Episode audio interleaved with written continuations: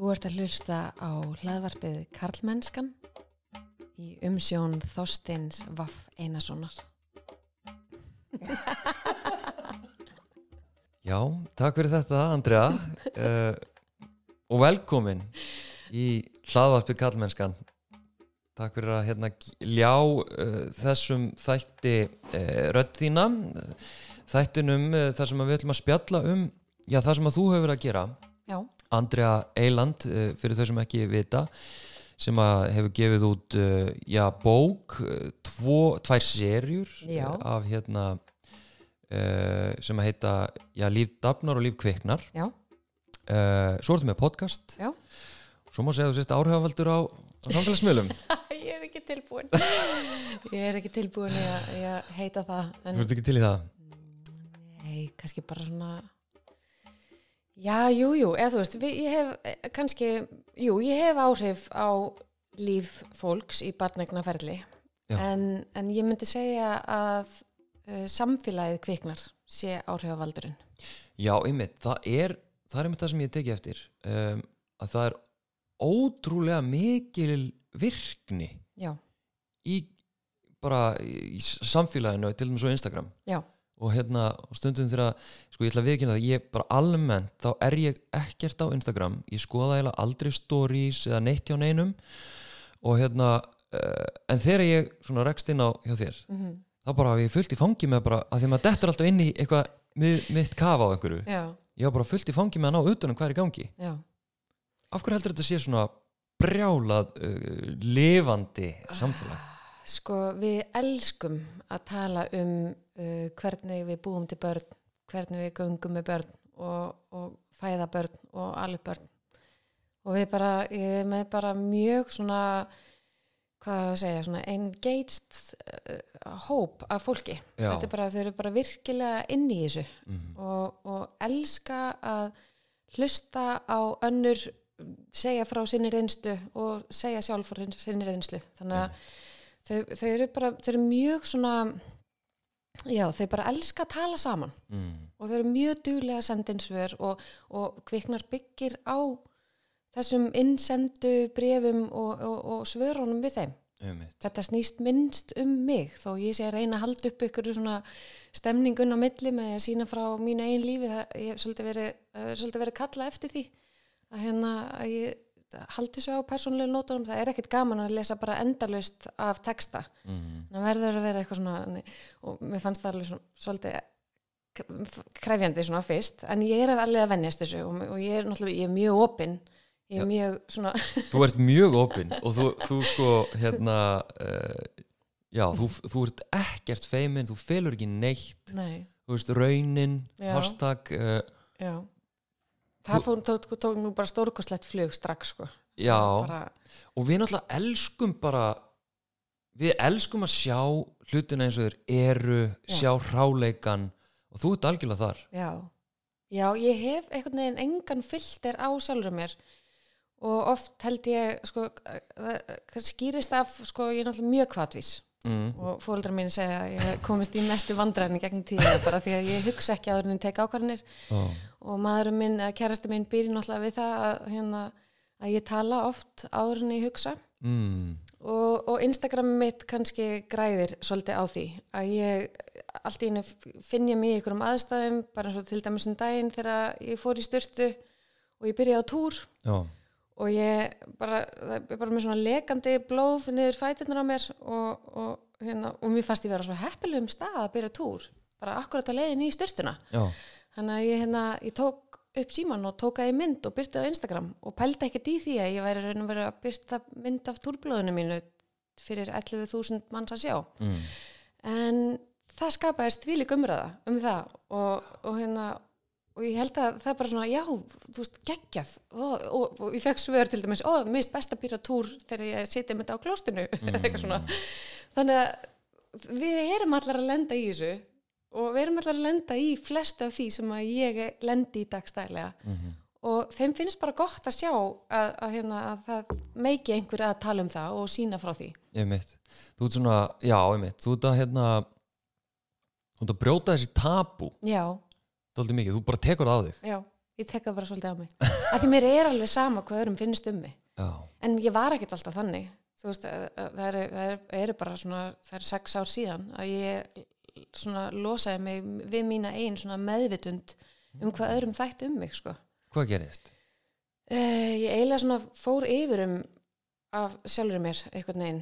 Ég var búin að lendi alls konar áföllum eins og bara svona, já, innan gæsleppa venjulegum áföllum sem að fólk lendir í sem er nekkert eitthvað að fara að, tví, eh, hérna, að segja frá hérna, það skiptir yngur máli en ég svona einhvern veginn rakst á vegg með sjálf á mig ég var að fara illa með sjálf á mig og ég bara tók mig í gegn fó bara til sálfræðings og, og hérna losaði mig við meðvirkni Mm, getur maður bara gert það svona? Já, það tók mig fjóra mánuði af stanslausri sjálfsvinnu. Ok, Ég gerði eiginlega ekkert annað þennan tíma. Og, og, hérna, og það var bara þarna hálfu ári áður en ég kynnist síðan kærastanum mínum. Og hann hefur aldrei þekkt mig meðvirka. Mm. og það er eitt af því sem honum finnst hann fílaði við mig strax sko að ég var ekki meðvirk. Og ég svona náttúrulega fyrst um sinn lét bara svo ég væri bara þessi típa sko en, hérna, en það, það er hluti af þessari meðvitund um sjálf mig að ég er í raun og veru ekkert að pæli í hvað öðrum finnst um mig. Ég held að fólki finnst það bara frelsandi. Okkur langar flestum að vera á þessum stað. Já. Þannig að, hérna, þetta, er þægilegu staðar að vera á sko. mm, einmitt. Og hvernig hérna kemur kviknar? Sko bókin kemur fyrst. Já, er það ekki? jú, bókin kemur fyrst ég, ég var mörg ára að vinna hana og það tók mig 14 ára að komin út. Vá, já, þannig að þú er búin að vinna þessari bók í 14 ár? Já. Ég náttúrulega varð ófrisk hérna af Sólei 24 ára. Já, og þá var bara til barnaland og ljósmóði.is og engar íslenska bækur um þetta efni. Þannig ég bara byrjaði að skrifa niður svona mína pælingar. Og ég sá strax af þessum umræðum á barnalandi að við vorum að elska að tala um það hvernig okkur leið. Hvað erum við að upplifa? Hvað, hvað, hvað er að gerast inn líka með mín núna? Okkur líður mér svona, líður ykkur um fleirum svona? Þannig ég fór bara að skrifa niður og hafði síðan bara mjög fljótlega samband við Hátísi Rúnas sem er ljósmóðir lífsmíns mm. og hefur verið með, með mér í þessari vegferð bara sem eitthvað svona ákveðin bakkjarl og, og peppari. Og, og sagði við hann, hér, mér langar að skrifa bók já, já, Andra mín við, viltu ekki bara eignast þitt fyrsta bad fyrst? Og svona, bara, nei, nei, ég, ég ætla að skrifa bók sko. já, ok, og ég byrjaði bara, þú veist, að skrifa niður mína eigin pælingar, svo fór ég að, að, hérna, að skrifa niður hérna, bara spurningar sem ég hafði, bað hann um að svara þeim. Og svo fór ég bara að sapna sögum. Mm. og, og þarna var bara þú veist, barnaland og, og, og svo ringi vinkonur og hvernig þú veist og svo bara vatt þetta upp og þetta tók bara mörg mörg ár. Og einhverjum árum setna eða einu eða tveim hef ég sambandi við Aldísi að því ég sá bara fyrir mér að þetta yrði bara að vera eitthvað svona fallegt líka sem að fólk myndi vilja kaupa bara til þess að eiga myndir af óldum konum og fæðingum og eitthvað svona. Þannig að Aldís Páls ljósmyndari tók það verkefna sér. Og svo rauninni þegar bara þegar ég kynnist þorlefi að þá sagði ég honum já ég er búin að vera að skrifa bókinni mörg ár en okkur vantar eitthvað til að setja hann upp bara heppilega til vildi að hann var grafískur hönnur. Hann sagði þarna þegar við vorum búin að vera í sleik í viku sagði hann ég skal bara setja upp þessa bók fyrir og ég bara já já, emmitt svo gerði hann það. Þannig að 2017 var bara hérna, stopnuð við í raun og verið fyrirtæki eh, sem heitir Eiland, Eiland og Kampan og, og, hérna, og átti sér að sjá um útgáðu bókinu, við bara gerum þetta sjálf, hún var bara komið það langt. Og þarna einhverju áður, sko en ég kynnist tólfið þá voru við sérst aldís búin að fá styrk frá Karolínufönd Mm. þannig við erum seldum bókina fyrirfram. Mm. þannig við áttum fyrir hérna prentunni og þannig að Karolínufönd eigendur gáttu bara fengið sitt eintak og svo áttum við restina til að selja. Við síðan bara skiptum hérna lagarnum bara okkar við Aldís. Og ég á bara 80 bækur eftir. Hún á alveg góðan slatta sko þannig að ok.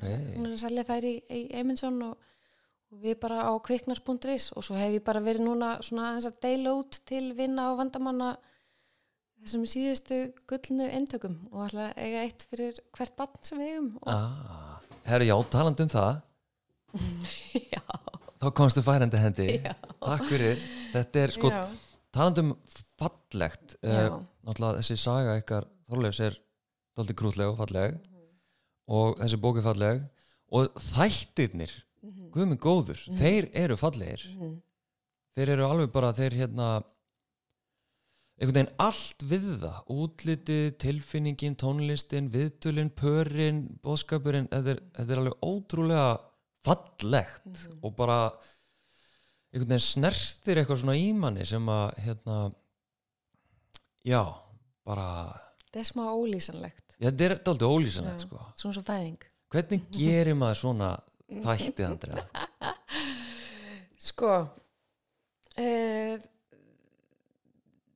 í raun og veru kemur þessi hugmynd að þáttum upp þegar bókin er ekki komin út. Og manni nefndi þetta bæði við Aldísi og Hafdísi og að hérna við erum svo bara að gera eitthvað meira við þetta sko, en þetta var tilbúið. Þannig að kemur kvatvísi mín og svona bara ég ætla mér. Hérna og það var alltaf já, já, býðum aðeins. En ég, sérst, ég tek að mér svona lítið hlutverk í, í sjómas hérna, þáttum sem heita Ferð til fjár og, og þar enda ég sérst á fundi hjá Sagafilm þegar ég er að taka að mér það verkefni og hitti Þórhall hjá, sem er núna hjá stöð 2 í fyrsta skipti. Og ég ákvaða að náttúrulega pota því að að ég væri búin að vera að skrifa bók og mér langaði svo að gera sjómarp um þessa bók. Og hann, hérna, hann varð strax mjög hrifin og, og, og segi við mig á talaði við mig þegar bókin er komin út. Og hann liði síðan tvö ár. Og fyrsta sem ég geri þegar bókin er komin út Mm, er þar að hafa samband við auðvitað. Og, hérna, og, og hann er, er þá sérst að vinna hjá Sagafilm og hann bara grýpur þessa hugmynd aftur um leið og segir bara já, við, við, við verðum að gera þetta. Mm. og ég í rauninu veru aldrei unni við sjómarp, ég vissi ekkert hvað ég var að fara að gera en ég vissi bara að ég var að gera eitthvað rétt. Mm. og ég held að það sé svona grunnurinn að því að geta búið til gott sjónvarp er að hjarta er í þessu. Og, og svo ofan á það allavega í mínu tilfelli og okkar þorleifs uh, að gera eitthvað sem skiptir máli. Að gera eitthvað sem að gerir heiminn betri fyrir börnin okkar. Mm. og, og ég held að, að, að það skýni svolítið í gegn. Og ég held að viðmælendur mínir finni fyrir því þegar að taka þátt í ykkur sem að annað fólk græðir á skilur bara andlega og líkamlega og, og svo er náttúrulega þetta bara að fá mm, bara manni svo þorleif með sér í að búa til útlitt á þætti sem ég veit ekki eins og hvernig þetta líti út nema bara þegar þorleifur er einhvern veginn búin að það til. já, já, já. Hann, hann er náttúrulega, hann er augað í kviknar og, og hérna og hann veit nákvæmlega hvað hann er að gera. En, hann, en líka hjá honum svona fyrir utan náttúrulega reynsluna sem hann hefur í, í auðlýsingaheimi og allt þetta að þetta er eitthvað ákveðið innsæði og bara eins og allt þetta það heitir, heitir bíról sérst efni það sem að þið sjáuð á milli viðtalana já. og í þessu tilfelli af, af setni seríinu er þetta sérst uh, bara börnin okkar á vestfjörðum. Og Þorleifur segir eitthvað svona þegar við erum að fara hann á Suðureyri sem er sérst svona gamalt fjölskyldu hús sem að er í, í, í eigu móðu fjölskyldu Þorleifs segja að ég spái að taka kameruna með fara hann upp í upp í kökl og, og leia græjur og ég er svona, já, þú heldur að það sé já, já og svo endaði náttúrulega bara það á því að vera útlitt þáttana Mm. mm. Þannig að Þorlegu var eiginlega bara í vinnunni þess að viku ferð sem við vorum hann fyrir vestan sko, Já, alltaf að taka upp og skjóta og stundum voru nú krakkarnir bara eitthvað svona hætti pappi að taka myndir eitthvað svona. En, en það var síðan golden útlitið á þáttunum. Og það var eins og í, í fyrir seirinu við hérna vorum bara svolítið að leggja áherslu á náttúruna og fengum veist, fólk að kela út í náttúrunni nakið, einmitt, óleita konur út í náttúrunni sem að svona, þetta bindu saman þættina. Einmitt. En svo náttúrulega byggir þetta á, á viðmælandum Já, og, og sko talandi líka um viðmælendur að því að veist, ég náttúrulega var í viðmælandi og, og Hulda, kona mín, sem sálfræðingur. Um, þannig að ég veit hvernig það er að uh, vera í viðtali hjá þér. Já, og hérna og þú ert mjög góð í því að um, svona, já, fá upp úr manni og líka halda einhverju stemningu. Mhm. það er eins og þú sett með það í hausnum hvers konar stemningu þú ert að búa til. Og hérna, ég hef nú ekki framleitt sjónarsefni að þú veist verið eitthvað í því en ég hef svona aðeins komið að svona myndrænu myndræni miðlun. Og ég veit hvað þetta er erfitt. Þetta er mjög erfitt. Uh, en það er alveg augljóst að þú vissi hvað verður að gera því að við sjáum það líka bara í pörunum sem er að tala bara, þú veist, þau eru að opna bara inn í já, inn í bara, ég veit ekki hvað. Kjarnan sinn bara algjörlega. Já, og, þetta, og það sést þú veist, hún er að draga fram eitthvað, eitthvað algjör að töfra. Hvernig viltu kenna mér að taka við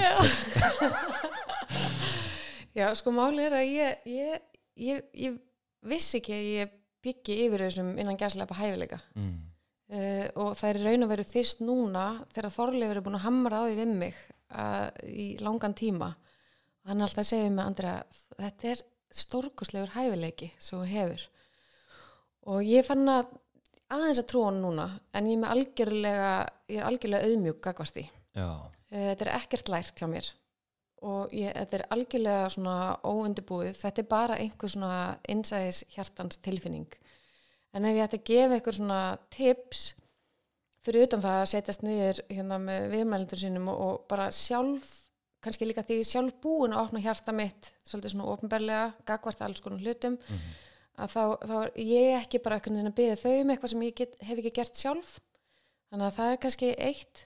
Uh, annað er að taka sér moment, eða sko undirbúningsviðtölu eru náttúrulega mjög mikilvæg og, og í fyrir seríunni uh, Sigrið Þóra vinkonu mín sem að leikstir í henni hún hérna sagði bara þú veist þetta væri mjög mikilvægt og, og meikar náttúrulega bara fullkominn sens og það ekki að tala við eitthvað sérstaklega með kamerur þegar þú ert ekki búin að tala við manneskjuna áður sko. þannig að ég mæli náttúrulega algjörlega með því hittur það bara fullt af fólki já, og sumt af þessu fólki þú bara, æ, já, já hvað finnst því fólki? En sko, í raun og veru er bara örfá sem ég hef hitt sem hafa síðan ekki endað í Já. viðtölum hjá mér. ok, Vegna þess að, að ég held að ég ég er einhvern veginn búin að búa til sko með bókinni og öllum þeim sögum sem er bárust þar.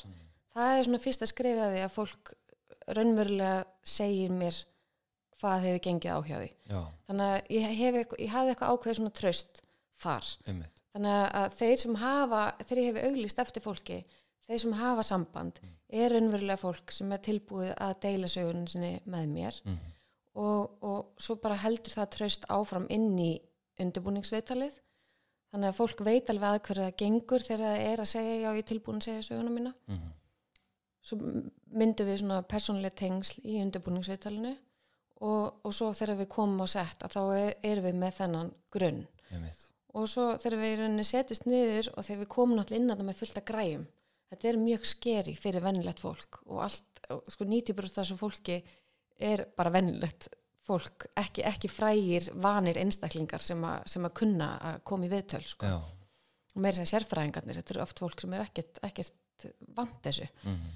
að hérna, að þegar við erum búin að stilla allir upp og við erum búin að vera að reyna að spjalla og fá, fá sér kaffi og svona að þá bara setjast niður og þá yfirleitt segja við fólk hérna, ok, horfið núna bara á mig við erum hérna bara í undirbúningsviðtalinu okkar með röddina þína.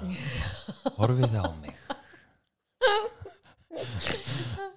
Já, það er annað sem að þálegur lit mig hérna þykja vændi mig sjálf mig að það er röddi mín. Hann sagðist að árið ástfanginu röddina á mér áður en hann hitti mig sko. hún er svo seiðandi.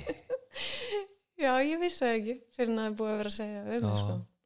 En, en ok, já, en sorry. já, þannig að við, tökum bara svona tökum bara svona, þú veist, mínútu. Og oft byrjuðum um að ef ég sé að þau eru megastressu ef, ég sjá að þau eru megastressu að þá byrjuðum bara um að taka eitt stórun andadrátt og hann í magan og svo bara horfi í augun á mér og hvort það eru og bara og þetta moment er uppáhaldsmomenti mitt. Mm. það er bara þegar við tengjum og við erum bara þarna og við bara svona útilökum allt annað. Og við erum bara að fara að tala saman. Mm. og ég hvet fólk til þess að segja ég en ekki maður já, já, í viðtalum. Af því að þið eru að tala um ykkar einn reynslu og það breytir öllu. Algjörlega. Og þú veist, við tökum alveg eftir að fólk dettur í veist, og svo maður, maður. Og að því við erum búin að tala um þetta áður og ég svona kannski gef smá svona að það, þau breyta setningunni. Veist, það, segja hann aftur ég upplifði að og það er bara svona, wow, einmitt, einmitt. það verður eitthvað magical sem gerist þar. Já, og svo í rauninu verði eins og við höfum tölum um þarna um daginn að þögnin. Þú veist að ég leifi, ég spyr fólk að eitthvað spurningu. Stundum er ég lengi að koma mér að spurningunni en ég, ég passa mig á að fyrirfram aldrei ákveða svarið. Þó ég veit í rauninni til hvers þessir viðmælendur eru komnir í viðtal hjá mér. Að þá það, það, það getur breyst og ég, ég vil ekki að þau svari eins og þau gerðu heldur ég vil bara þau svari frá hjartanu. Mhm. og þess vegna verði ég að spyrja opina spurninga. Þú veist bara, ég kannski kemur smá pælingu, já, nú tölum við um hérna í viðtalinu þetta, þetta, þetta en hvernig, þú veist, hérna hvernig líður eitthvað með það? Þú veist, og bara og, eh, ég, ég vil ekki fá já eða nei. Leiðir vel með að þetta gerðist svona? Já. Ég meina hvað, þú ferði ekkert út úr því. Þú verður bara að spyrja opina spurninga og svo leifa þeim því svo byrjaðu kannski og það er högtandi og eitthvað svona. Og svo halda þau þau séu búin að svara. Og ég býð. Og svo býð ég aðeins lengur. Ó, ég svo- man eftir þessu. Þú, þú tryggsaður mig sko. Og hérna þetta er nefnilega, þetta er algjört golden tricks. Og ég er unni ég held kannski að þetta hafi verið þegar ég fytti þín í þetta viðtal og spurði maður einhverju spurningu. Að því að ég hafði lært það í sko í náminu mínu þegar ég var að taka einli viðtöl fyrir rannsóknum mína að ég spyr spurningu og svo býði ég aðeins Mhm. smá stund. En þarna sá ég það í praxis. Þú beist nefnilega aðeins lengur heldur en ég hefði þórað að býða og af því að þú beist svo lengi þá held ég áfram að tala. Já, og það var eitthvað sem ég sá síðan að nota þér Já. í þáttunum, já, þú helviti komst með hérna, já, þú komst með svo gott moment um, þú veist, hérna af hverju eignustu börn og þú varst búin að svara í og, og svo eitthvað og þá kom þetta golden moment með hérna að því að bara samfélagi gerir því og, og konur er að rýsa upp og ákveða eignast ekki börn. Þú veist, það bara, það var bara svo, þetta var svo powerful. Já. og þetta var svo meaningful. Og það var svo geggja þér. Já, þetta kom bara í hausinn á mér. Já, að því að, að ég upplýði líka þegar ég var hana hjá þér. Og ég enda síðan horfði ég á mig líka eða ekkert á mig, ég horfði á þessa þætti og þar var ég, ég var mjög stressaði fyrir því. Eða svona, það bara óþægilegt að horfa sjálfan sig. Mhm. Já, Það það er það. og hlusta sjálfan sig. Ég, ég, ég reyna að forðast það. Mm. um, þess vegna hlusta ég ekki á mín eigin podcast. En sko nei, e, sko hvað ætla ég að segja? Já það var með hérna uh, mó, hérna atmóðið, svona stemningun sem hún skapar. Að mér leið náttúrulega bara eins og hér, við erum bara að spjalla Mhm. veist, og mér leið bara þannig. Og ég sá það eftir á þegar ég horfði á þetta að ég hefði kannski átt að aga mig aðeins af því að ég er svo ógesla ég er svo mikið út um allt og veist, já var þú reyfiði mjög mikið. Já, En ég meina ástæðan fyrir ég fekk þig er að þú, þú brennur fyrir því sem að þú ert að þínu bóðskap. já, Það bara skiptir máli að fá. Og það sést eljan og ástin. Mm. Hún sést í reyfingunum og hvað þú segir og hvernig þú segir það. já, Og mér finnst það skipta máli. En, en, en, en svo þegar maður náttúrulega fer á bakvið og ég ger þetta þegar ég er að tala um kviknar, þú veist, ég er bara, "Ó, þú veist, hlustið á mig, þetta, er geggjað. En þegar ég fer á bakvið vélina, að þá er fólki að segja sína sögu og þá verð ég að vera hóvær og róleg og, og bara hérna, að því að þau að tala um sína upplifun með sinni ástriðu. já, einmitt Þannig að, og þú hefur ákveðin sjónamið samt. Hvernig er það að og það náttúrulega er eitthvað sem við sjáum þá ekki þáttunum. Þegar þú ert með hérna viðmælendur mm og þú færð eitthvað frá þeim og þú bara ah, ég, þetta samræmast ekki kannski í þínum gildismati eða eitthvað svona. Mm hvernig, hvað gerist hjá þér? Já, sko ég er náttúrulega, ég er náttúrulega líka sérstaklega svo sérfræðinga. Ég er náttúrulega vel með sérfræðinga út frá mínum gildismöndum líka. Já, já, bara eins og þetta með fyrst mikilvægt að tala um tilfinningar og, og andlega líðan og eitthvað svona, þá vel ég sérfræðinga sem eru pró því, bara svo Hafdís henni finnst mikilvægt að ungbarnavendin spurri líka um líðan fóreldra að það sé ekki bara sprautabönnin og, og, og, og út aftur. Mm. þannig að, að, þýleitinu þá er það mitt og ég meina, ég, fíla þína ástriðu, þess vegna vildi ég fá þig að því að það samræmist mínum gildismötur, Mm. Respectful Mom Kristín Mariela, þú veist, allt þetta. Já, já, þannig að hérna en viðmælindunum mínir, við, viðmælindunum mínir uh, jú, þeir hafa alveg sagt eitthvað svona sem að kannski ég myndi ekkert vilja þeir sagðu en, en, en það er eitthvað neginn ég lent í að vera eitthvað svona neitt, neitt stöði mig af því að það er ekki hægt að gaggrina hvað fólk upplifir. Nei ég get ekki sett út á það. Þú veist, ég meina mér langar að öll upplifi ástabötnunum sínum við fyrstu sín en það, það er ekki hægt að til þess að þú upplifir það þannig. Mhm. og þess vegna verður það að heyrast þannig að líka það sem að fer gegn því sem að mér finnst er gott og það skiptir máli. Að þetta má ekki vera einhliða. Þetta er ekki, þetta er ekki kviknar er ekki ég, kviknar er samfélag. Og þar eru skoðanir bara svo lengi sem að við erum ekki að dæma hvort annað fyrir hvernig okkur líður og ég, ve- ég, ég sko rítskoða ekki það sem að hérna, umræðna sem að skapast inn á, inn á inn, kveiknar Instagraminu. Ég bara set inn allt það sem er sendt en þær, þær eru svo þær, þau sem að bara 2% kallmanna mm. hérna, fylgja kveiknar Við þurfum að fara inn í það eftir. En, en, þær, þær virðast finna fyrir þessu.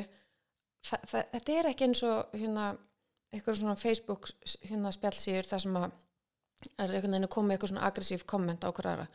Það er rosa mikið talað um bara ég upplýði þetta svona en það er ekki að gefa hvort annari ráð. Það eru bara að, ok, ég er að deila minni reynslu, taktu það sem að mögulega gæti henda þér, pikkaðu það út. Út af það gengur þetta. Já. Þannig að ég upplýði það líka í viðtölunum fyrir sjómarpi. En svo náttúrulega komandi upp að spurningunni að þá skipti máli að raði kringum sig bara fólki sem að deilir sömu svona ástriðu og þú, hefur áhuga á sama efni og þú. Og mér tókst það í báðum sérjánum bara að finna fólk sem að ég meina Gussi, tökumæðurinn í, í, í líf kviknar hérna, nýbúin að eigna spann og, og, og mamma svo ljós, er ljósmóður þú veist, að hann bara þetta er geggja, þetta er eitthvað sem ég langar að taka þátt í. Og ég spurði, þú veist, í viðtölum þegar ég er að ráða fólk, bara áttu barn skilur, hérna, hérna Benni klipparinn núna í líftafnar barn. Já. skilur, og, og, og það bara það skiptir máli að þau bara skilji hvað er við að horfa á og byrta til dæmis tökukonan með þorlefi hún, hún á ekki börn, hún veit ekki hvort hún vil eignast börn. Mm. og það er líka svo geggja en það, þú veist, eiginlega eina af ástæðunum hérna fyrir að við ákvæðum sér að taka viðtöl við konur sem hafa ákveðið að eignast ekki börn því að það sjónur hótt vanda inn í. Já, þannig að, og svo, já, að, að fólk horfa á þau og eitthvað, ég trú á það sem þú ert að segja, ég skil okkur það gera þessa seríu, ég ætla að vera með. Já, einmitt. Áhugavert sko, einmitt að þú nefnir þær sem að hérna hafa ákveðið að eignast ekki börn. Það var aldrei svona uh, á, á skjön alltaf við alla seríuna og, og bara Já. eða semst báðar seríunar og alla þættin í rauninni. Já. hvernig hérna férstu einhver, einhver viðbröð á það í raun og veru ekki, sko nema bara eitthvað svona, eitthvað svona lóaklapp já, já, veist, og bara, já, geggja að sjá þetta líka. Og, og ég hefði náttúrulega le- viðtali við, við, við þær og náttúrulega alla hina viðmældunar voru miklu lengra og klukkutími hvert einasta viðtal og svo endaði þetta kannski í tveggja myndna bútur sko. já, þannig að það er líka töluð um þú veist þessa forduma sem að vera fyrir í samfélaginu að velja, eignast ekki börn. Bara til dæmis svo, heyrðu, þú tekur náttúrulega jólina því þú átt ekki börn veist, í vinnu, í vinnu, og allt já, þetta einmitt. sem að við hefðarlega vilja koma inn á en, veist, en ég hef svolítið passað mig á því að uh, seríuna mínar og þetta, þetta er ekki í raun og verið svona bein ádela á samfélagið eins og það er ég vil svolítið hafa þetta tímalaust Mm. og, og sína kannski frekar Jújú, jú, það kom inn eitthvað svona skot hérna, þú veist, eins og þetta með ungbarnavendina og andlega líðan og það verða hlusta betur á fóreldra og, og þetta. En ég passa mig svolítið á því að vera ekki, ég er ekki notið þetta sem eitthvað baráttutæki. Mm. Þetta verður svolítið bara að, að þess að upplifanir standa bara einar á sér. Já. Allt þetta sem fólk hefur gengið í gegnum. Það stendur bara eitt á sér. Þú, þú þarft ekki að vera með neitt áróður eða neitt, neitt Nei. þannig. En það er komin alltaf svolítið hérna inn sem eitthvað svona á skjön. En það er þeirra upplifun stendur samt alveg ein á sér. Og í raun og veru þótt að sé á skjön við það sem að aðrir ákveða samt í ákveðinu flæði. Já, frábært, við þurfum ekkert öll að eignast börn. Og spurningin náttúrulega sem að öll fengu í lokin var af hverju eignastu börn? Og eins og þú sást, það voru alls konar viðbröð og fl- fæst okkar höfðu eitthvað svöru við þessu. Mm og mj- mörg mjög mismandi já, já. einmitt. Þetta var, var hressandi spurningan í lokin en þú segir það er ekkert svona þetta er ekki baróttu tól og baróttu tæki en þú ert samt að uh, hafa áhrif. Þú ert samt í einhverju smá svona baróttu já, já, með þessu konsept í heild. Á, með konceptin í held, já. Uh, þættirni svolítið svona minna Instagramið aðeins meira. Mm. uh, kannski þetta þú veist, berjast gegn einmitt þessari fullkomnar áráttu að, að við séum ekki að sína bara hérna filtera glansmynd á Instagram og, og hérna ég vil ekki taka þátt í því. Auðvitað langar mig stundum að vera ógeðslega sætt og upp á mitt besta og posta einhverju skvísmynd af mér eins og allar hinnar á Instagram sem eru með yfir 10.000, 20.000, 50.000 fylgjendur. Mér langar alveg stundum að vera þar og mér líði stundum þannig. Bara Andrið, okkur þarf þú alltaf einhvern veginn að vera með hana, hana flata hárið þitt og ómaskuruðu augun og, og vera eitthvað svona þú veist, sínaði bumbuna skilju okkur getur ekki bara verið veist, margt en svo bara þú veist, það, ég held að okkur líðu líka bara flestum þannig. Og, og ok, þá er ég bara þessi típa, ég ætla bara að vera hún. Ég fór reyndar í hérna skvísum myndatöku um daginn til stelpu sem heitir Gunnlöð mér vantaði eitthvað svona CV mynd sem ég þarf að senda með öllum þessum umsóknum þar sem ég er að reyna að sækja eitthvað peninga út í samfélagi fyrir þessu. Og það var, það var mjög gaman. En, en hérna en mér langar bara að, að, að Instagrami sé hrátt og það sé bara eins og það er. Og, og ég ætla ekki að reyna að vera neitt öðruvísi af því að þú veist, ég græði ekkert á því og sérstaklega ekki fylgjendum mín græði ekki á því, þau, þau elska kviknar af því það er bara eins og það er mm. og já, jú, ég er í baráttu hug með að breyta alls konar hlutum fyrir foreldra. Og ég reyni, og ég tók þátt í baráttu ljósmaðra, ég stopnaði eitthvað Facebook-hóp þegar ljósmaður voru að sækjum hérna herri laun. Og 15.000 manns eða eitthvað og, og, og fekk aðra konu með mér í að vera með mótmæli þar sem að hérna, ljósmaður voru. Og, og þannig líka bjóði til eitthvað svona traust með mín og ljósmaðra, þú veist, Mm. ég er ekki að koma fram sem sérfræðingur. Mm. ég er ekki sérfræðingur, ég er ekki mentu í þessu fæi ég er bara þarna fyrir foreldra milli ljósmara og foreldra. Og ef það er eitthvað sem ég vilja tala um eitthvað sem við getum, þú veist, mögulega vakið aðtikla á að þá getum við gert það gegn kviknar. Og, og hérna en alltaf af svona virðingu og samminu við heilbreyðistjættina sem að er, að er að vinna við þetta því bara mikla virðingu og aðdán fyrir hefur mikla aðdán á ljósmærum sko. Já, einmitt, algjörlega en talandi um sko hráleikan og, og raunina og, og allt þetta og, og það séu 98% konur inn í kveiknar Já. ég meina það er svona þetta mér hug mental load sko veist, þessi, þessa byrði sem að já, konur í, í kallkonasamböndum konur sem að verða mæður það er einhvern veginn virðast taka allan þungan mhm, langmestan þunga Já. bara almennt já, það er að spá í öllum þessum hlutum það er að taka þátt í kveiknar samfélaginu já. það eru Það er klippa bönnunum neglunar Klippið þú bönnunum þínu neglunar? nei kona mín er sko naglafræðingur en hérna en ég myndi samt annars örgulega ekki gera það sko. Nei. Það er bara svona litli hlutir, já, og til dæmis bara þetta, ábyrðin að vera inn á kviknar. Þú veist, ég kalla náttúrulega bara hér með eftir hérna körlum og náttúrulega mögum að, hérna, af öllum kynjum, skiljur, þeim, þeim sem ganga ekki með börnin. Komiði líka inn á kviknar og veriði með, deiliði ykkar upplífunum, lesið um hvað konurnar ykkar er að gangi gegnum þegar það er að ganga með börn og fæða börn og andlega líðan eftir barspurð komiði og veriði með. Af því þó að, þó að þið ætlið ekkit endilega sem er náttúrulega best ef að þið komið og segið hvernig ykkur líður uh, komið þá allavega og lesið ykkur til um hvernig konun ykkar líður. Þegar hún er gangið gegnum þetta allt saman. Af því það er það sem skiptir máli. Og ég er náttúrulega já, á sko óteljandi skilabóð nei, ég sko, ég veit ekki hvað þetta er orðna marga blaðsjur af alls konar svona hérna já st- staðhæfingum á því hvað kviknar hefur gert fyrir, fyrir þessa konur sem eru að nenni og það er ekki bara það að geta tala við aðra í, í svipar, svipum, svipari stöðu heldur bara það eitt og sér að setjast niður skrifa niður söguna eina og senda hann á mig. Mm. og stundum hafa ég gert það og sagt ekkert vera að byrta þetta. Mm. mér líður bara strax betur eftir að ég sett þetta út. Já, ok. Eftir að ég skrifa niður hvernig mér, hva, hvað ég upplýði, hvað ég gekk í gegnum.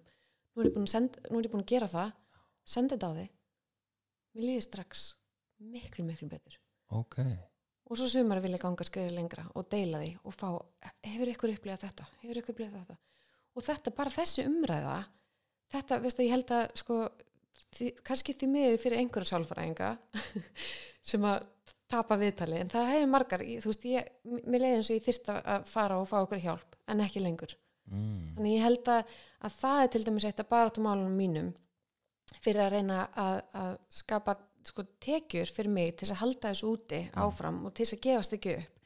Að ég vill að einhver svona bara ríkistórnun eða eitthvað fyrirtæki sem sér haksinn í því að vera með mér í þessu og bara borga mig fyrir að halda þessu úti að það bara, þú bara mingar kostnað í kjölfarið inn í, inn í samfélagið, bara andleg líðan það bara að fólk fái eitthvað svona, eitthvað svona plattform eins og kviknar og sem er langur náttúrulega í kjölfarið síðan að- stækka með fræðslu kvöldum, spjallkvöldum uh, við ætlum að byggja retreat skiljur við þar sem við ætlum að taka móti fóröldurum þar sem þau geta að tala saman. En bara þetta að við náum að tala saman tengja og einhvern veginn losum tilfinningarnar okkar að það bara það er bara það er bara fjárhagslega hagkvæmt fyrir samfélagið í að það hefur enginn séð þetta ennþá. Nei, ég vann lengi sko í svona forvarnastöri hérna í kringum félagsmyndstöru Reykjavík. Og það er svo marg búið að rannsaka fjáraslegan ávinning af forvarnastarfi. En það, veist, auðvitað, það eru peningar í forvarnastarfinu en þú veist, allt svona sem er eitthvað svona langtíma sem að skila sér setna já, við, nei, nei, nei, við setjum bara peningana í hérna kallar vinna og eitt allir vinna eitthvað. Á þess að svo sem gagir það per se en, en hérna, við erum ekki droslega mikið í, já ok, við. Ég ætla að segja markaðsöflin, fyrirtækin fjármags eigendur það virðist vera þannig að þau vilja bara setja peningana sína þangað sem að þau helst geta ávast á strax. Bara hérna, tegum hérna þessa stjórnu hérna á, á samfélagsmiðlum sem að uh, um, er með x þúsund fylgjendur og það mun örgulega að selja upp rauðkálaðu okkar eða eitthvað, þú veist, ég Já. veit ekki. En- þetta er, þetta er, er skamsín hugsun. Já, þetta er daldið það sko. Já, og þetta er mjög sorglegt af því að, veist, ég hérna kallaði nú eftir því þegar ég sá hann grím alla í viðtali hjá honum hérna Sigmari á Rúf þar sem hann var að tala um að það þyrti aktíft utanumhald um uh, fóreldra sem ætti vona barni. Og ég bara eitthvað ég- er með aktíft utanumhald um utanum fóreldra þannig að ég hafði samband við hann. Já. og hann bara tók mig fagnandi og ég fór að fund með honum og gaman og alls konar pælingar skilju, en þar tók ég einmitt þetta á hann, ég sagði veistu það við erum hérna í raun og veru allt sem gerist eftir það að fólk eignast barn, að vona barni eða ákveður að búa til barn er veist, það sem af, afleðingarna koma setna skilju, þannig að ef við náum öllu þessu fólki áður en það eignast barn vinn úr áfællunum sínum þegar það á vona barni tala um áfællin sín tala um líðanna sína þegar það búið eignast barn, hvernig gekk fæðingin tala um þetta, ekki hleypa konum út af sjúkrahúsinu áður en það er búið að tala við þær um það hvernig þetta gekk, hvernig þeim leið hvað þær hefði vilja hafa öðru í þessu hvernig, þú veist, og allt þetta ef við klárum þetta þarna á þessum tíma þetta er bara skadamingun fyrir framtíðina. Ég er að segja það, ég, mér finnst þetta náttúrulega því að ég er, ég er þarna, mér finnst þetta mikilvægasti hópur heimsins. Það er fólk sem ætlar að eignast barn og ávona barni og nýbúið að eignast barn. Mm. þetta er, bara, þetta er bara grunnurinn að framtíðinni. Og hvernig okkur tekst að tala saman og, og að við hlustum á þetta fólk það gerir það bara að betri einstaklingum sem gerir það að betri, betri foreldrum sem gera börnin að betri einstaklingum. Þetta er bara ringrás höldum utanum þetta fólk þarna. Gefum þeim átján mánuða fæðingur ólof skiljur gerum þeim klift, við höfum að borga þessu fólki almennlega pening fyrir að vera heima um börnunum sínum ef það velur það sem er náttúrulega velja að gera það ekki. Fínt, en í alvöru búum til kerfi fyrir fólk í barnegnaferli Mm. já, bara að menna eftir þessu. Já. þetta er bara negla. Og hérna, ég held að fólk heyri passionið. Þú veist, þú ert bara þú brennir fyrir þetta. Um, þessu tengt af því að það er ofta að tala um hérna og það er of- oftast auðvelt að tala út frá ein reynsluheimi þannig að ég gera það mjög gjarnan og, og þar að leiðandi verður þetta dálítið hettur og kall kona hérna, sérstaklega þar að vara svona, hérna, já, eins og þetta batningnaferli og, og allt svo leiðis það er náttúrulega skilnaðir mhm, á fyrstu tveimur árum eða Mhm. eftir, já, á fyrstu tveimur árum mhm, þegar fyrsta bat kemur í heiminn mhm. um, og, og meða við hvað við vitum við vitum bara hvað þetta er hérna tekur á líkama hvenna að ganga með börn og eignar spörn uh, hvað allt breytist, hvað allt er óvænt uh, lítið fyrir séð uh, streyta álag á, á samband og samskipti uh, finn út úr alls konar uh, jafnvel fjárasvandræði ég meina fæðingarólof, þetta er bara djók sko, það sem er búið þar fyrir utan stuttan tíma síðan reynum við að koma börnunum eitthvað að því við þurfum að vinna, því við þurfum að geta að lifa af þessu lífi og, Mhm. og það er vesen, það er vesen að komast inn á leikskóli í Reykjavík, skilur, það, það er allt í umhverfunu hostæl Já, við það eignast barn. já. En samt vill samfélagið að við eignum spörn. Já, samfélagið þrýfst á því að við eignast Það þrýfst á því að við eignum spörn. Já, algjörlega en það er allt hostæl við þetta og það sem ég er að koma að hérna er uh, þáttur karla í þessu Já, já, um, að því ég bara sjálfur ég hef alveg talað um það að, að ég gjörsanlega skeit á mig uh, hvað var þar ábyrð og svona ég bara að, að gangast upp í það ábyrð að hafa eignast barn. Þú veist, fyrstu mánuðina hérna hjá uh, dóttur okkar Huldu þú veist, þá fekk ég eftir á greining hérna, hjá, sálfræðingi fæðingaþunglindi sem að byrtist í því að ég var brókslega upptökin í vinnunni fjallaði mig heimilinu og átti erfitt með að tengjast barninu af því að mér fannst það bara erfitt og þetta var bara eitthvað sem ég reyði ekki við og eitthvað svona dæmi. Um, sko og þú hefur til dæmis líka verið að tala um uh, að það sé ekki hlúðað pöppunum í, í hérna í þessu ferðlöldu saman og allt þetta. Uh, sko ég er ekki með hennar spurningu, ég er bara með vangaveltur um þetta. Þú veist, hvað hvað er að gera? Hvað gerum við til þess að gera þetta umhver ekki svona hostæl ef við fókusum á einstaklingana? Uh, sem að, þú veist, kall kona sem er að gangi gegnum þetta saman hvernig gerum við þetta auðvöldra? Sko, uh, við byrjum náttúrulega á því að uh, sko, fyrsta lagi að ákveða saman að eignast barn. Við erum náttúrulega ekki að eignast barn uh, gegn vilja hins.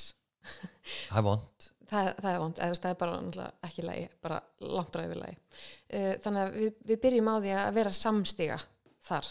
Þannig að uh, talandi um karl konu, væntarlega tvær konur gera það samstiga vegna að þær þurfa að, að finna út úr því með öðrum leiðum.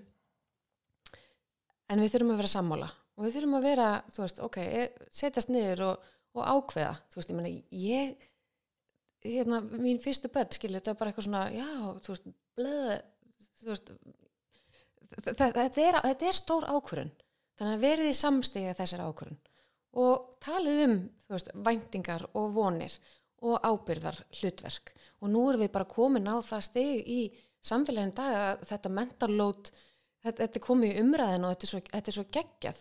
Og, og, og þarna þurfum við að passa upp á þetta jafnvægi, held ég uh, að sko ég, ég allavega að tala út frá minni einreynsli, ég er mjög stjórnsum og, og ég er bara stolt að ég vera stjórnsum af því að ég þarf bara að vera ég, frek líka skilur, ég þarf bara að vera það að því ég er bara kona í samfélagi og ég þarf að, að hafa svolítið power í mér til þess að komast áfram skilur, en svo er ég líka stundum of stjórnsum og, og ég, svona, já, ég vil hafa kannski hlutina á ákveðin hátt og teka á mig ábyrðina að hugsa um allt í sambandi við, þú veist, meðgönguna. Og ég náttúrulega fer inn á þú veist, og les mig til um og eitthvað svona og pikka, ætla þú ekki líka að lesa þér til um?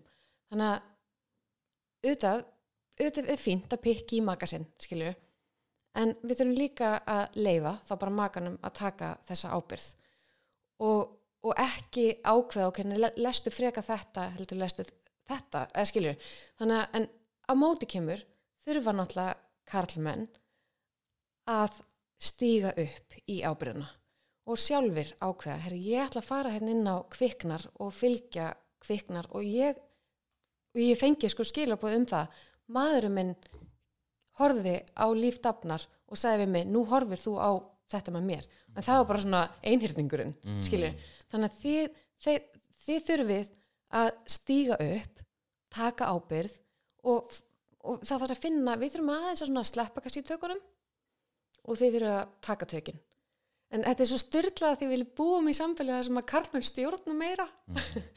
En við erum kannski meira svona á bakvið að stjórna. Veist, ég, ég veit ekki alveg hvernig við hvernig náum að, að samræma þetta allt saman svona í heilsinni en allavega í þessu karlmenn þurfa að taka karlmenn þurfa bara að vera dugleiri Ég tek alveg undir það, ég held og þú veist, þú talaði alltaf um meðvitund við, hérna, svona aukna meðvitund um þetta og, og, og hérna, þú er náttúrulega þátt í því að auka meðvitund um bara raunina og hérna, og allt þetta, bæði með því að miðla eh, upplýsingum og gera bók og, og þætti og allt þetta. Uh, en það er held ég, engin spurning um það að að ábyrðin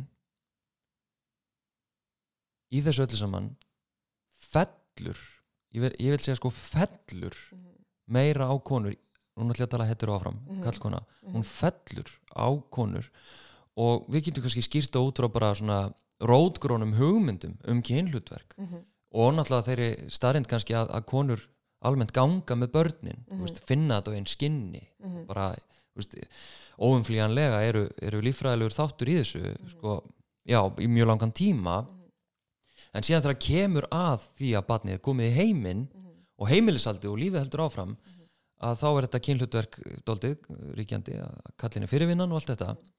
Þannig að menn kannski doldið fría sig ábyrð frá hérna, þessi, þessi mentalóti heimilishaldinu og, og batna uppeldinu og ég hef oft líka þessi friðþæging karla eða feðra já ég sé nú, ég, er nú að vinna hérna langan vinnudag og allt þetta en, og ég jafnvel sjálfur þegar kona mín, Hulda, var í fæðingarólufi og hérna var með dóttur okkar bara frá mótni til kvölds þú veist, ég var stundum með hennar framöttir og svo var hann eitthvað svona naggi mér. Herðu, svo við að þrýfa og hérna, taka almenna til um helgin og ég bara eitthvað raunverulega, ég held ég var mér að sagt það við hana mér fannst það raunverulega, byrjuð þú þetta heima allan daginn er, er eitthvað mála aðeins að sjæna til og ég menna ég er náttúrulega bara að vinna hérna. Og ég var all, í alvörinni, ég var fullkomlega ómeðadur um það að það sem að hún var að gera var full vinna og miklu meira en það. Hún var að vinna allan, allan sólarringin með barnið af því að hún ábyrðin fjall á hana. Já. þráttur hún hafa verið í fæðingarólofi og ég að vinna veist, við erum bæði í, í, meirin, veist, í fullri vinnu. við þurfum þá að vera saman Já. þegar mín vinn er búin Já. þegar hennar svona hefðbundi vinnutími er búin Já. þá þurfum við að taka lótið saman Já. og þess, þetta meðvitundaleysi mitt ég, hvað ég segja ég hérna vaknaði ekki til lífsins um álæði sem fylgir því að vera í fæðingarólafi að sjá um barn sjálfur fyrir að ég var í þeirri stöðu sjálfur að þá skildi ég vel okkur hún gæti ekki líka verið að þrýfa og taka til hversu umurlegt. Er það að þurfa að smakka þetta hluta til sjálfur til þess að svona að taka bara mark á konunum minni. Þú veist, þetta er svo galið Já. en ég held að meðvitundarleysið og líka þetta ég veit ekki hvernig orða, lærða hjálparleysi eða svona einhvern veginn bara einhvern veginn að geta sloppið Að því að, við, að, því, að því að við tökum ábyrðina já, að því að þið takja ábyrna Já. en mér er svo vond að segja þið þurfum bara að vera duglega að sleppa tökunum, þið þurfum bara að leifa okkur að því að, og Hulda sagði, talaði mitt um þetta, kona mín í mentalótættinu sem við tókum um, þú veist hversu oft er ég búin að Á- gefa sjensa, hversu oft er ég búin að reyna að sleppa tökunum. Já. Ég veit það og við reynum það. Og þá bara, þá bara ef, ég, ef ég sleppi það þó hérna í viku þá þarf ég bara að vinna það upp í næstu viku Já. Já. Og þarna náttúrulega kemur inn að, veist, að, að tala saman veist, og við verðum þá bara búa til einhverjar reglur. Ég meina við, við Þorleifur, ég er ekki með okkur um einasta mótnu því að Þorleifur er miklu hægari fram úr en ég. Mm. skilur, og ég bara þú veist, bara, nú hætti ég með honum sko. á hverju mótni bara nánast, ég er ekki tjóka við höfum rætt þetta sko, þannig ég er ekkert að, að stuða hann neitt með þessu. En þú veist, þetta er það verður bara eitthvað svona hugsanavilla í höðun á mér. Þú veist, þú bara rennur það að mér bara um leið og við drekkum síðan fyrsta kaffeballan saman skilur, en, en þetta kemur upp aftur og aftur veist, en við, við sérst ákvaðum að gefa okkur það í fimm ára sambandsamæliskjöf að fara til ráðgjafa. Ok, og hún var mjög ánað að sjá okkur. Við völdum hann ráðgjafan sem að þið voru með og tókuð við tal refnu, já, eru því á henni? já, oh við erum búin að fara í að tíma til hennar. Já, og við, náttúrulega að því að ég þarf alltaf að gera allt eða ekkert já. þá veldum við líka sérst að fara til svona ráðgjafa sem að uh, hjálpar með kynork og nánd og heitir Helga Snjólfs. Ok, og við erum búin að fara í tvo tíma til hennar sem að bara snýst um þessa te tengingu og bara horfa á hvort annað, jafnvel rósa jafnvel, þú veist, snerta í öðru heldur en kynferðslegum tilgangi og alls konar svona. Og ég mæli svo innilega með þessu og hún hrefnaði mjög ánað að við skildum koma í svona fyrirbyggjandi aðgerð. Mm. að því að okkar áreikstrar hérna í dag og við erum búin að gangi gegnum alveg nokkur áföll við þorluðu sem við höfum komist í gegnum saman. Mm. Uh, og þannig að það er eiginlega ótrúlegt að þessar hugsanir með að hætta saman skuli koma hjá mér núna yfir einhvern hlutum sem að er bara auðvilt að laga með því að tala saman. Já, já, já. þannig að hún var mjög ánað við skildum koma. Hún er bara alltaf svona aðeins að hjálpa okkur bara að slípa til og hún sagði þið þurfið kannski bara svona fjóra tíma.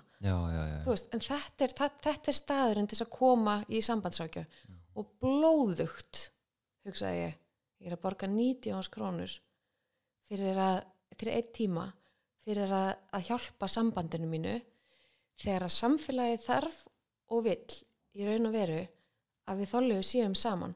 Ekki bara fyrir okkur heldur bara fyrir börnun okkar og bara fyrir að því að veist, við erum bara vel fungerandi fjölskylda.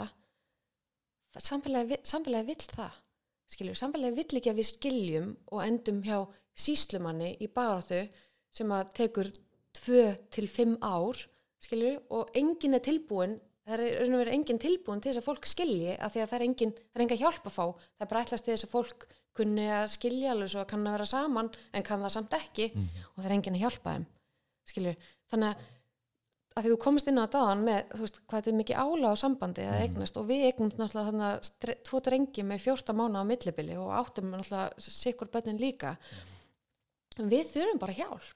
Við þurfum bara aðstóð við að finna útrúsi og ekki bara keira einhvern veginn eins og einhverja jarðítur í gegnum all daga, heldur þurfum við bara að staldra við á hverjum degi og bara hvað ætlum við að hvert erum við að fara, hvað ætlum við að gera hvernig ætlum við að tala saman hvernig ætlum við að búa til system þar sem að þú ber ábyrð á því að vakna mótnana og ég get bara slakað á mm.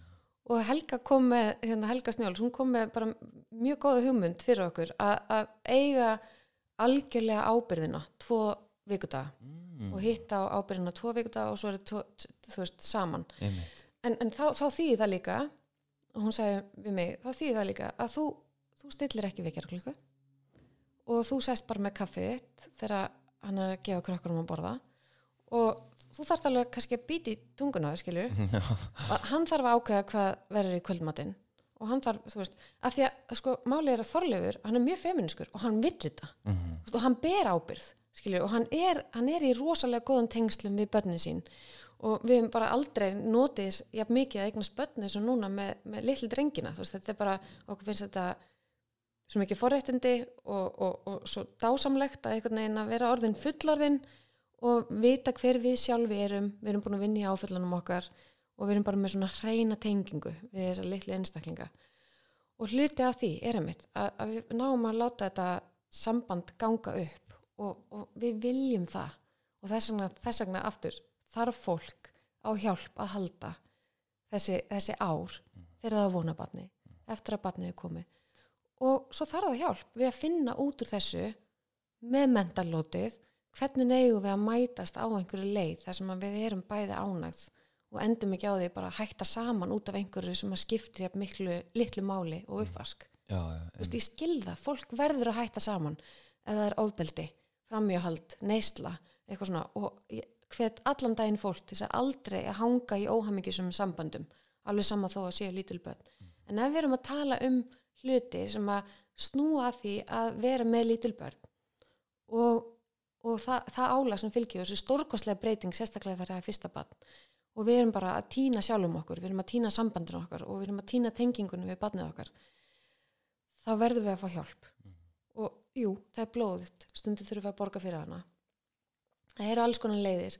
Og ég vil að, að, að kvikna verði svolítið í farabráti fyrir það. Við verðum að, við verðum að vera við verðum að krefjast breytinga með þetta. Við verðum að leggja peninga í að hjálpa fólki í barnegnuferli og, og, og, og þarna veist, meðvitið um að strákar eigi ekki bara einhvern veginn að búa hjá mömmu sinni. Mm.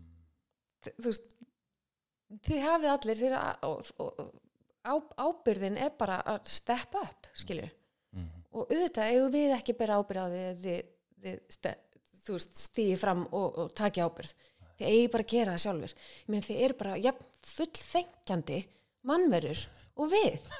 Skilur þið eruð ekkert og, en bara svo þið tölum að þeim í viðtalinu við hrefnu þau vilji svo vel. Þið meini svo vel og eitthvað langar skilur en það þarf þá líka bara að stíga skref. Ok, já ég er fyrirvinnan hérna og ég kem með peningana.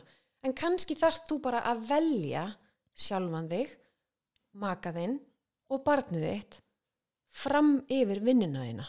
Og þú þarf bara að hafa minni tekjur í þann tíma sem að þið ákváðuð að búa til lítið barn.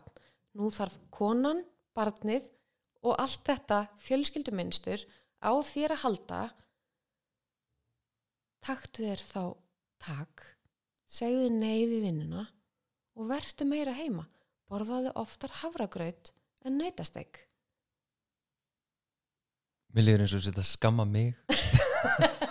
Þetta En- er ekki, ég veit að þú ert í meðvitu þú veist, já, Já, ég, ég, ég tek alveg undir þetta alveg heiklust og hérna einmitt að eiga samtal og þóra horfast í augu við hérna það sem er í gangi þú veist eins og þú veist að lýsa með á mótnana þú veist þessi triggerar sem að triggera okkur þú veist þetta snýst ekki dum eins og hrefna tala mjög reglulega um sko bæði í viðtölum og í podcastinu held ég að hérna mm, þetta snýst ekkert um þaðan sem lengi fram á þetta snýst ekkert um uppvaskið Mm-mm. þetta snýst um eitthvað annað já, þú veist þetta atvik sem að triggerar okkur já og oftar, allavega í mínu tilöki eh, konunum mína og verðist vera í þínu tilöki þig Mhm. að hérna þetta er bakpoki, þú veist, Já. það er þetta er að snerta Já, eitthvað ég miklu meina, starra Ég, hef verið í nokkur samböndum Mm. og á tvo aðra basföður. Ég hef aldrei verið í sambandi þar sem maðurinn fer og fætur undan mér. Nei. Þannig að auðvitað er það. Það er, þú veist, mín fortið. Þannig að þetta er bara óstjórnlega fer í töðan á mér. Já, þetta triggerar eitthvað starra Já. veist, þetta hefur meiri merkingu Já. fyrir þig og það er mitt það sem að að ég ætla eitthvað að reyna veist, ég veit að hrefnaði full bókuð sko en, hérna, en hrefna algjörlega breytti okkar samskiptum okkur huldu hvað þetta Já, var þar og hjálpa okkur með triggerin á þetta djöfla tal sem að maður Já. dettur í og allt þetta Einmitt. en hérna En, en, en líka til þess, að því nú, nú veit ég að, þeir karl með sem hlusta mm, og segja já og ég bara vinna eins minna til þess að vera með og hvað þá með, veist, þetta kostar og svo- svona, svona, veist, ég þarf að sjá fyrir fjölskyldunum minni og eitthvað svona. Já, það, þetta er allt spurning um val, þú veist, þú velur að eiga minna og eiga þá meiri tíma til þess að vera til staðar að þessi tvö ár, fyrstu tvö ár basins eru bara svo ótrúlega mikilvæg. Og rannsóknir er að sína það að þetta er bara mikilvægasti tímin okkar á lífsleginni mm, og við verðum að gefa okkur tíma í að vera til staðar á þessum tíma. En að móti kemur, það er alveg rétt sko auðvitað getur vel úr neyslu. Og þannig náttúrulega getum við átt meiri tíma með fjölskyldinu okkar. Mm, en á móti kemur verður þá líka samfélagið að hjálpa til og það er með þessu fæðingarólufi og greiðslum úr því og allt. Mm, og skammarlegt bara eins og með fæðing, eh, sko, fæðingarstyrkur eða hvað sem þetta heitir. Mm, þetta er náttúrulega bara ekki byrja nös á ketti. Nei, námsmenn, skilju allt þetta. En þetta er náttúrulega eitthvað sem ég á, hef ákveðið að setja mig ekki inn í og vera actually að berjast fyrir það er fólk sem er gott í því. Mhm. ég bara stið við það sem að það, það talar um að, að, það þurfi, þessi tími mikilvægur og við þurfum öll að hugsa okkar gang. Og aftur kemur að því veist, við þurfum að setjast niður þegar við ákveðum að eigna spann þú veist, ætlum við að eigna spann eða, Mhm. eða ekki, skilur einmitt. með öllu því sem að fylgir og hérna og, og ef að ég sko myndi eignast aftur bát mm að þá hef ég lært að betur reynslu kannski aðalega huldu að sko að fórna meira heldur en ég gerði. Að því að maður er ofta að venda sjálfan sig og, og við mitt fyrir það í sjálfan sig, veist, ég er að vinna ég er að standa Mhm. mig vel, ég er að hérna, sinna fjölskyldinu þannig og eitthvað svona. Mhm. uh, eins og ég sagði á þann að veist, það er full vinna á meira en það að vera í fæðingarólofi það er ekki orlof, það er ekki frí það er full vinna á miklu meira en það. Og þá er ég að tala um að fórna mig þannig að, að þegar ég er búin í vinnunni minni að þá kem ég heim og sinni því sem að þarf að sinna heima hjá mér Mhm. að ég held að það sé eitthvað sem að kallar mig algjörlega að taka til sín og feður kannski Mhm. að hérna auka meðutund sína um það og það er þar hægt að stiga inn sko Einmitt. og ræða með þetta mentalót og, og, og svo frammeðis En einmitt kannski líka til þess að meira mark sé tekið á veist, þeirra hlutverki og þeir finni fyrir mikilvægi nærveru sinnar mm -hmm. með börnunum sínum Mhm. og konu sinni að þá þurfa þeir að tala um það. Þeir þurfa að tala um, veist, og við þarfum að heyra reynslu frá kallmönnum sem að hafa actually, innan gæslepa, fórnað löngum vinnutíma til þess að vera með fjölskyldunum sinni Já. skipti það þið máli þú veist að því að Þorlegu til dæmis tala um þó ég ætla ekki að koma til að tala fyrir hann en hann segi, þú veist, hann tengdist elstu stelpunni sinni best eftir að þau skildu að því þá fór hann loksins að taka ábyrð skilur, á henni? Einmitt, þú einmitt. veist, að, að það var bara vika og vika og hann var bara 100% með dóttir sinni aðra vikuna og svo bara va- vann hann mikið hina vikuna. Og ég meina, fólk sem skilur talar um þetta og, og getur verið nóg, nóg gáfa til þess að finna út því að barnið er til japs með báðum fóreldrum Mhm, að það talar um að þetta sér geggjað mhm. þú veist, að vera bara, ég sjálf aðra vikuna og get unni úslega mikið og send vinum og eitthvað svona og svo hina vikuna þá er ég bara 100% fóreldri Já, En þetta er samt ekkit endilega samfélagsgerð sem við viljum sjá, þannig að við þurfum að geta að gefa pörum þe- þetta líka, mm. skilu, og við þurfum alltaf að hjálpast að gefa hvort öðru það. mhm. algjörlega Ég held að við veitum að fara að draga þetta saman Við erum búin að tala mikið um svona hérna, samskipti para og í tengslu við þetta allt saman uh, Sko framtíð kviknar aðeins um framtíðasínina já. Sko, næsta mál á dagskrá, eins og þú spurði mig þegar ég kom inn það, hvað ert að gera á daginn? Og Já. ég svara mitt var, ég hef ekki hugmynd. Ég veit ekkert hvað ég er að gera á daginn. En ég ætla að búa til alþjóðlega serju. Ég ætla að taka fólk úr mismunandi löndum og heimsálum, fylgja þeim eftir frá getnaði og fyrstu tvö ár basins og finna hvað þeim sameinlegt í öllum þessum barnagna heimi. mm. Svo langar okkur að, að opna retreat fyrir fóreldra, þar sem að actually fóreldrar af kviknar geta komið og hitt hvort annað og gist Mm. og sofið allan sólaringin að þau vilja eða farið í jóka eða hitt sálfræðinga og, og, og fólk að tala um uppeldi og, og alls konar svona tekið sér nokkra daga bara og verið saman. Með börnunum eða? Eh, Nei, en við, við höfum hugsað leiði til þess að bjóða upp á barnapössun þannig að þau sem að verða að taka börnin með svona litlu börnin, þau geta gert það. Ok. Þannig að já, og svo er bara að opna heimasíðu fyrir þetta allt saman. Instagram er fallvaltur uh, miðl sem að ég geymi mjög mikið að dýrmætum upplýsingum minna og ég þarf bara að opna heimasíðu fyrir það. Þannig að núna er bara að reyna að já, halda áfram að breyta og, og bæta heiminn með öllum þessum fóreldrum sem eru svo innilega með í kviknasamfélaginu og, og fara aðeins út í heim Já, spennandi Já, Ertu komið með einhverja króka út í heim? Ég er svona, ég er alltaf, ég er svo örlega trúar. Ég er bara að finna, þú veist, ég er bara að byrja að hugsa þetta, sjá þetta fyrir mér og, og við, við þálega ætlum að eiga síðan hús á Bali og, og, og sigla. Hann er búin að plata mig að fara fríköðunanámskeið og, og við ætlum að sigla um heiminn á einhverjum tímpúndi. Hann er búin að taka siglingapróf. Þannig að, að hérna, við erum með bara svona sín og við erum með svona bord, við erum búin að skrifa þetta allt upp og þetta bara gerist og þetta finnur allt sína leiðir og mögulega hlustar einhver á hlaðvarpið á þér og hugsar hei, við þurfum að hérna, hjálpa þessu samfélagi og, og gera heiminn betri við skulum standa bak við það. Ég trúi því. Þetta gerist allt, allt er eins og á að vera. Góð og góð ég, ætla, að bomba á því spurningunni sem að þú bombaðar alla í lokin. Andrea Eiland uh, Hvers vegna eignast við börn? Já, þetta er, þetta er til þess að halda okkur í tengingu við okkur sjálf og annað fólk held ég. Andrea Eiland, takk hjá fyrir spjallið. Sem leiðir